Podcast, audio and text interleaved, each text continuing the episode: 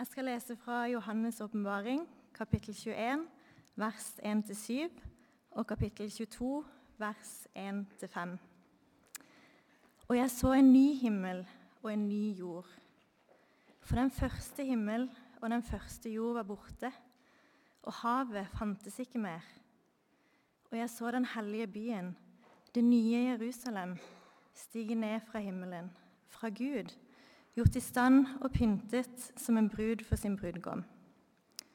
Og jeg hørte fra tronen en høy røst som sa:" Se, Guds bolig er hos menneskene. Han skal bo hos dem, og de skal være hans folk. Og Gud selv skal være hos dem. Han skal være deres Gud. Han skal tørke bort hver tåre fra deres øyne. Og døden skal ikke være mer. Heller ikke sorg eller skrik eller smerte. For det som en gang var, er borte. Han som sitter på tronen, sa, Se, jeg gjør alle ting nye. Og han la til, Skriv det ned, for dette er troverdige og sanne ord. Så sa han til meg, Det er skjedd. Jeg er alfa og omega, begynnelsen og enden. Jeg vil gi den tørste å drikke av kilden med livets vann som gave.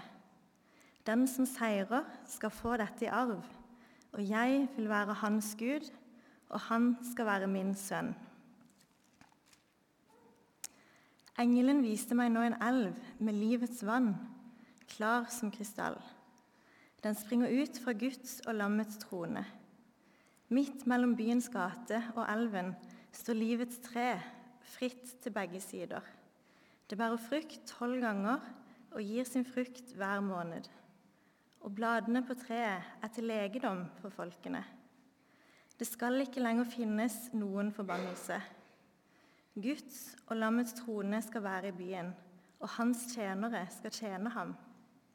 De skal se hans ansikt, og de skal ha hans navn på sin panne. Natten skal ikke være mer, og de skal ikke ha bruk for lys av lampe eller av sol. For Herren Gud skal lyse over dem, og de skal herske som konger i all evighet.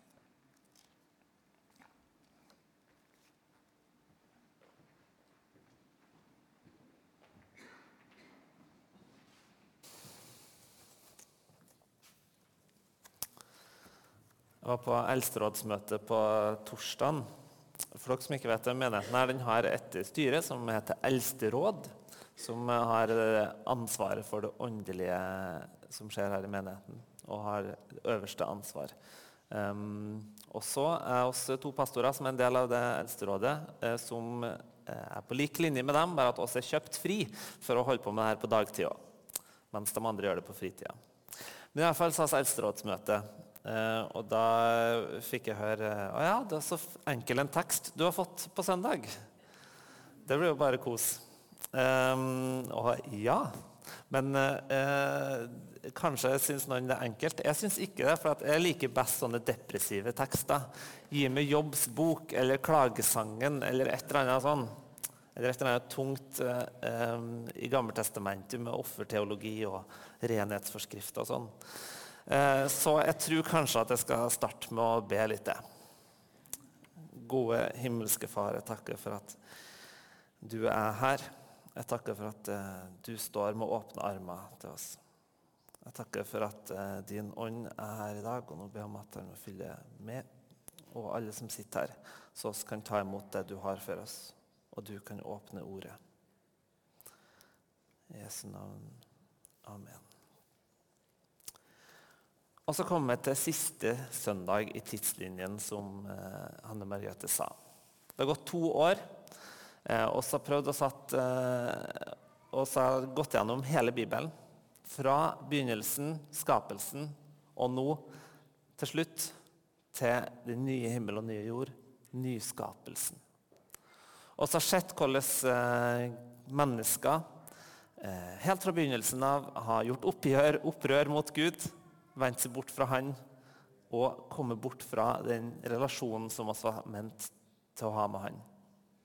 Og nå ser oss en ny himmel og en ny jord der relasjonen er gjenoppretta. Der Gud skal være midt iblant oss, sånn som Hilde Marie leste. Dette var egentlig ikke så veldig jødisk på en måte. Eh, I En sier gjerne at eh, jøder på Jesu tid de har en forståelse av historien som eh, var sånn at de rygga inn i framtida. De så tilbake på alt som har skjedd. De så på eksilet, de så på eh, israelsfolkets fangenskap i Egypt, og de så på skapelsen. Og så tolka de hele tida hendelsene som skjedde der og da, i lys av det. Så De gikk på en måte baklengs og så så de på det som har skjedd, og så tolka de alt som skjedde her og nå, med å se tilbake. Um, og Derfor så, uh, er det egentlig litt bemerkelsesverdig lite fokus på liksom, um, den nye himmel og den nye jord. Det er generelt ikke sånn kjempemange tekster om det i Gammeltestamentet. Eh, Sjøl om det er noen. Men eh, så har de likevel noen tekster, noen profeter som prøvde å si Men se framover. Se framover. Det fins noe som skal komme. Noen som skal komme og gjenopprette. Fordi de har sett på Adam og Eva som levde den perfekte Edens hage. Og lengta etter et nytt menneske som skulle komme og være akkurat den de ikke klarte å være. De så på Abraham, som var lovd å bli et folk til velsignelse for hele verden. Og lengta tilbake til den virkelige israelitt, den sanne jøde, som skulle komme og faktisk være til velsignelse for hele verden. De så på David, den idealkongen liksom, som virkelig, virkelig fikk fart i sakene og gjorde Israel til en stor nasjon. Og lengta etter en som skulle komme og være sånn som han.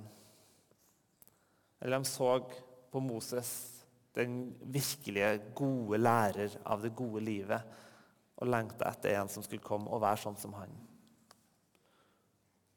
Og i sin eh, eh bakstreverskhet og oppdatert av det som har vært, så klarte de helt å skjønne at når Jesus kom, så var han det mennesket som, som de har lengta etter, som klarte å ha, ha relasjonen til Gud og ikke være ulydig. Han var den gode læreren som ga dem virkelig oppskriften på det gode liv. Han var den sanne kongen som ikke herska over folk med makt, men som var en tjener for andre. Han var den virkelige profet som ga nytt lys over tilværelsen og et blikk inn i en ny framtid. Og Det er som om hele Nytestamentet er en sånn dreining av fokus fra det som var, fra lovnaden til Israel og alt det, og loven og pakten og alt det, framover til en virkelighet da alt virkelig skal være ideelt. Da slipper å streve. De kristne fikk et nytt blikk. Og Det var det som kjennetegna kristne. De fikk en annen forståelse av historien enn verden rundt. Og Siden det så har vi i den kristne verden, eller Vesten, så har vi hatt en forståelse av at eh, verden den går fra nå til nå. Mens andre forståelser av eh, historien kan gjerne være sånn sirkulær. sånn at du tenker at alt som har skjedd, det skjer igjen. Og så går det sånn reinkarnasjon og den type ting. Eh, og mm, for dere som eh, har hatt litt historie og sånn, eh, vet kanskje om en som heter Georg Wilhelm Fredrik Hegel. Eh, som lagde en sånn tanke på 1700-1800-tallet eh, om at eh, verden den går framover mot et slags sånn ideal. Det er litt sånn krangling her og der, og så kommer en fram til en bedre løsning. Krangling her og der, kommer fram til en bedre løsning, og til slutt så blir liksom alt bra. Um, og så eh, vet jeg ikke om det ble sånn, men i alle fall så har denne tanken om at det fins et paradis, det fins en utopi, um, noe som er helt perfekt, den har vevd seg inn i vår mentale forståelse av verden. Og kanskje har den gitt oss det fra skapelsen av for at Gud vet at oss lengter hjem. Oss lengter hjem til en ny himmel og en ny jord der alt er godt. Og så, Utover 1900-tallet så kom det flere og flere sånne tanker som nei, ideologier som baserte seg egentlig på den samme tanken om at eh, det fins noe der fram som er perfekt. For eh, kommunismen, for Marx, så var det det klasseløse samfunn som var idealsamfunnet, utopien. For fascismen så var det det raserene samfunn. For Paul Pott så var det et religionsløst samfunn som var liksom utopien. Og alle sammen satte inn sin makt på å få til det prosjektet. Og vi vet alle hvordan det gikk. Vi vet alle hvordan det gikk utover millioner av mennesker når folk tenker at oss kan skape himmel på jord uten Guds nærvær. Fordi I Det gamle testamentet så er det bestandig Guds nærvær som er med på å lede, styre historien vi er. Det er ikke sånn at mennesker klarer det sjøl. Det var Guds nærvær som åpna havet for israelsfolket. Det var Guds nærvær som gikk foran når de gikk i ødemarken der og lyste vei på hvor de skulle gå hen. Og ser til stadighet eh, tekster i Gammeltestamentet som viser at oss kan prøve hva vi vil og forme historien, men det er egentlig Gud som er historiens herre. Så når mennesker begynner å skal prøve å skape en utopi, et paradis her på jord, så mislykkes det.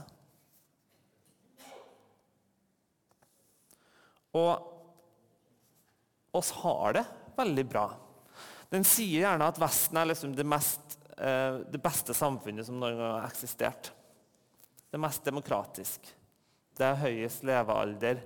Det er eh, minst ulikhet og, og mange sånne ting. Men samtidig så er det flere og flere av oss som har en følelse av at verden virkelig er i ferd med å gå av hengslene virkelig at det er noe grunnleggende som er i ferd med å skje. Som vekker en slags sånn uro i oss. Og ser epidemisk ensomhet i verden. Mange av oss kan kjenne på at bare det å gå inn med tanke på at nå er det jul og familie og alt mulig sånn, det er bare, Jeg blir kvalm av det. Det vekker smerte. Og Reuters kunne i fjor melde om at rapporterte psykiske helseplager øker i samtlige av verdens land. I Norge sliter knappe 400 000 med betydelige plager av angst og depresjon. Aldri har det vært så høyt. NTB meldte i fjor om at andelen tenåringsjenter som oppsøker hjelp for angst og depresjon, har økt fra 5 til 7% på seks år. Det høres kanskje ikke så mye ut, men faktum er at det er en økning på 40% som trenger hjelp for angst og depresjon. Og til tross for stadige medisinske framskritt i verden så viste det seg at i år, for tredje året på rad, har eh, forventa levealder i USA og Storbritannia gått ned. Den norske befolkningen sin IQ har gått sakte, men sikkert nedover siden midten av 70-tallet. Det er litt sånn ironisk med tanke på hvor lite oss stoler på forrige generasjon. Så bare sier jeg at I 1975 så fikk oss farge-TV i Norge. Um, for ikke snakke om klimaendringer. Jeg tror ikke jeg behøver å nevne engang hvor vi er på vei. I kirka så står vi kanskje på valget mellom å kjøpe plastkopper som faktisk er den mest klimavennlige, for det er minst energiforbruk. Men eh, om, 15, om, 30 år så er det jo mer plast enn fisk i havet. Så må vi kanskje velge å kjøpe pappkopper, som er mye mer klimafiendtlig. Og så låst oss inn i sånne umulige dilemmaer. Så vet jeg jo at eh, kanskje går an å ta med egen kopp. Um, det vi kanskje løse litt men å smale oss inn i en vanskeligere og vanskeligere situasjon i verden. Og institusjoner som vi før har tillit til, blir ramma av skandale på skandale. Hollywood har blitt ramma av sexskandaler som er både groteskt og så stort omfang at man blir helt sjokkert. Helsesystemet vårt sliter skikkelig med antibiotikaresistens fordi det hives ut antibiotika til alle, har blitt hivd ut antibiotika til alle og enhver. I Silicon Valley så vi om eh, dem som jobber der, at de prøver å oppdra ungene sine tech-free uten bruk av smarttelefon og sosiale medier fordi de vet det er så skadelig. Og personvernskandaler har ramma dem hyppig. Og i politikken, for ikke snakke om det De ideologiene som skulle frelse oss, de virker virkelig til å ikke fungere når verden står i helspenn og klin gærne maktpersoner sitter 15 sekunder unna en bryter som kan ødelegge verden.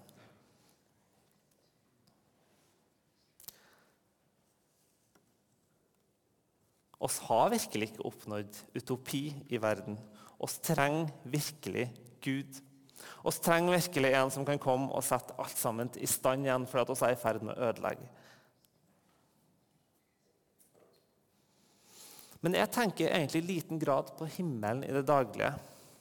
Jeg vet ikke hvordan om du gjør det. Kanskje sitter du på McDonald's og tenker at i dag så tar jeg en liten hamburger, men eh, når jeg kommer til himmelen, da skal jeg ha en eh, big and tasty med extra fries.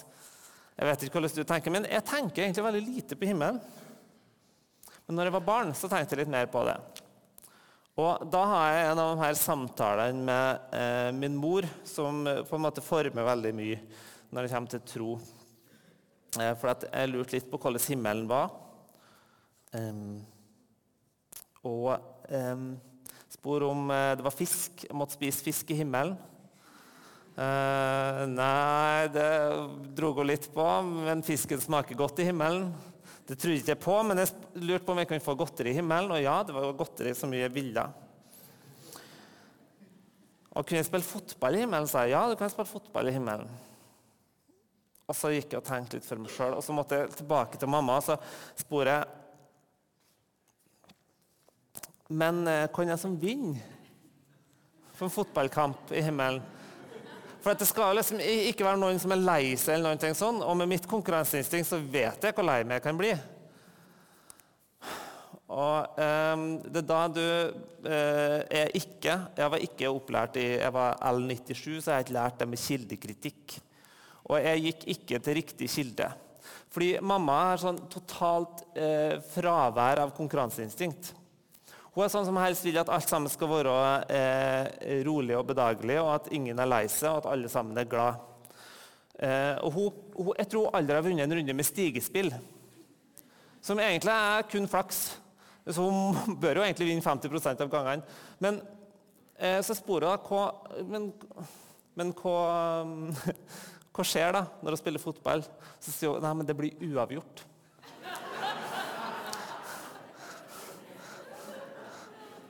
Og siden det så har ikke jeg tenkt så mye på himmelen, for at dit har ikke jeg lyst.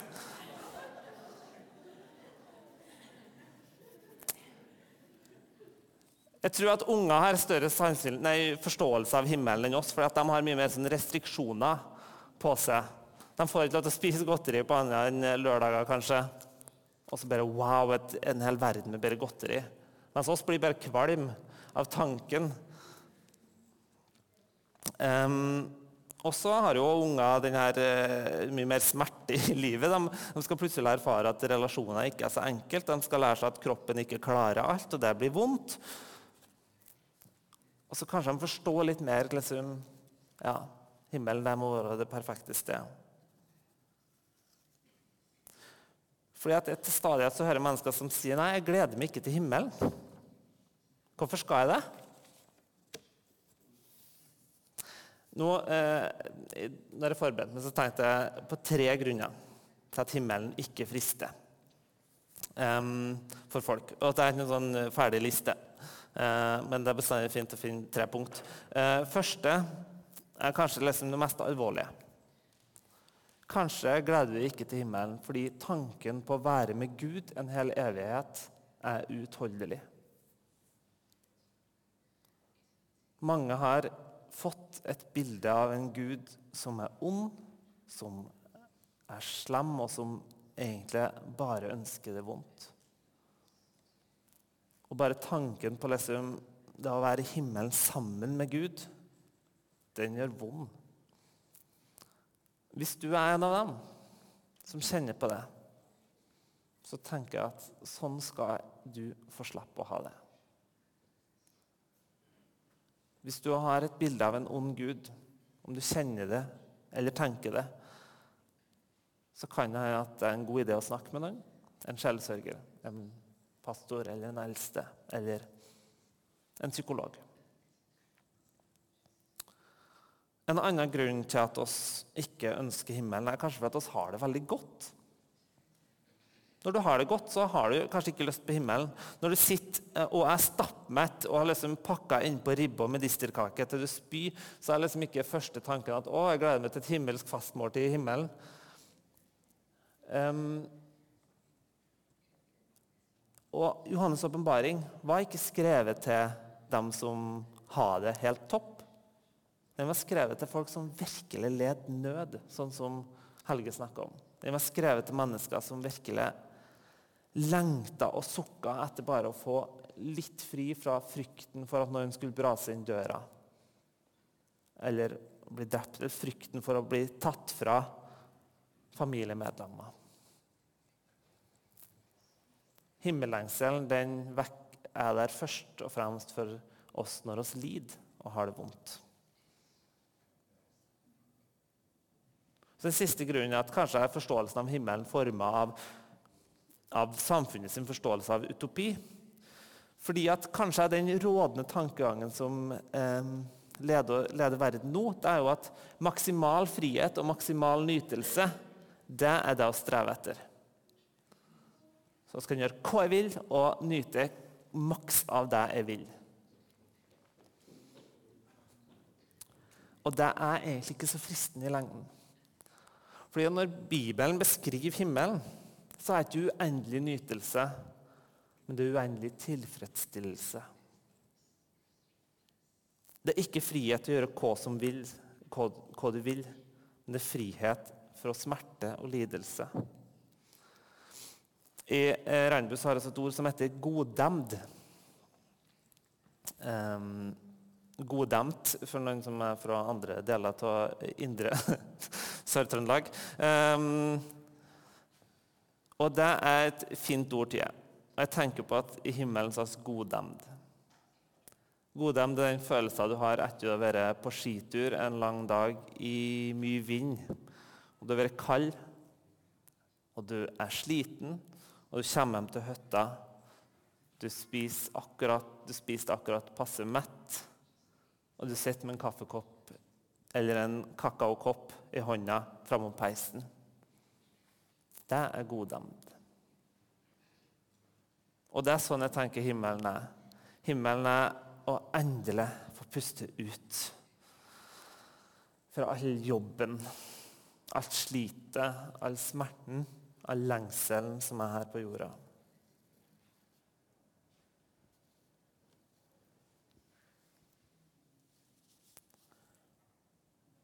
Mange ser på kristendommen som den sterkes religion som en undertrykker. Men Bibelen ble ikke skrevet som den sterkes bok. Bibelen er skrevet av mennesker som var undertrykt. Stort sett alle sammen. Det meste av Gammeltestamentet er skrevet mens israelsfolket satt i eksil i Babylon. Og Det får forma veldig mye av tankegangen. Eksilet. Og Det er et sånt mønster i hele Bibelen. Adam og Eva har vært jagd ut av hagen og vært sendt ut fra der de egentlig hører hjemme. Israelsfolket ble sendt til Egypt, bort fra der de hører hjemme. De ble sendt til Babylon, bort fra der de hører hjemme. Og Israelsfolket på Jesu tid de var okkupert. Hjemmet deres var tatt fra av romerne. Menneskene i Bibelen lengta hjem til Gud. Til landet som flyter over av melk og honning.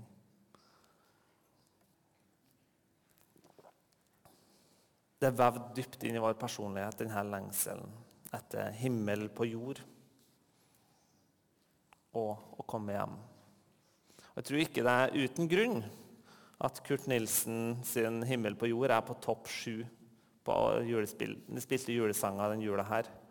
Eller at Maria Mena sin 'Home for Christmas'. Eller Chris Ria sin 'Driving Home for Christmas'. Er så populær.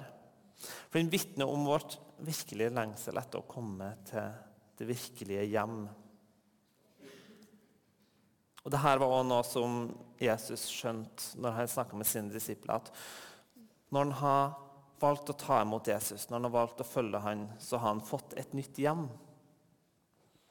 Hvis du tar opp Johannes 17-teksten, så sier han Jeg ber ikke om at du skal ta dem, altså du, Gud, skal ta dem ut av verden, men at du skal bevare dem fra det onde. De er ikke av verden, slik jeg ikke er av verden. For den som har tatt imot Jesus, har fått et nytt hjem. Himmelen er hjemmet. På samme måte som israelsfolket lengta etter det virkelige Kanaan, landet som flyter med melk og honning.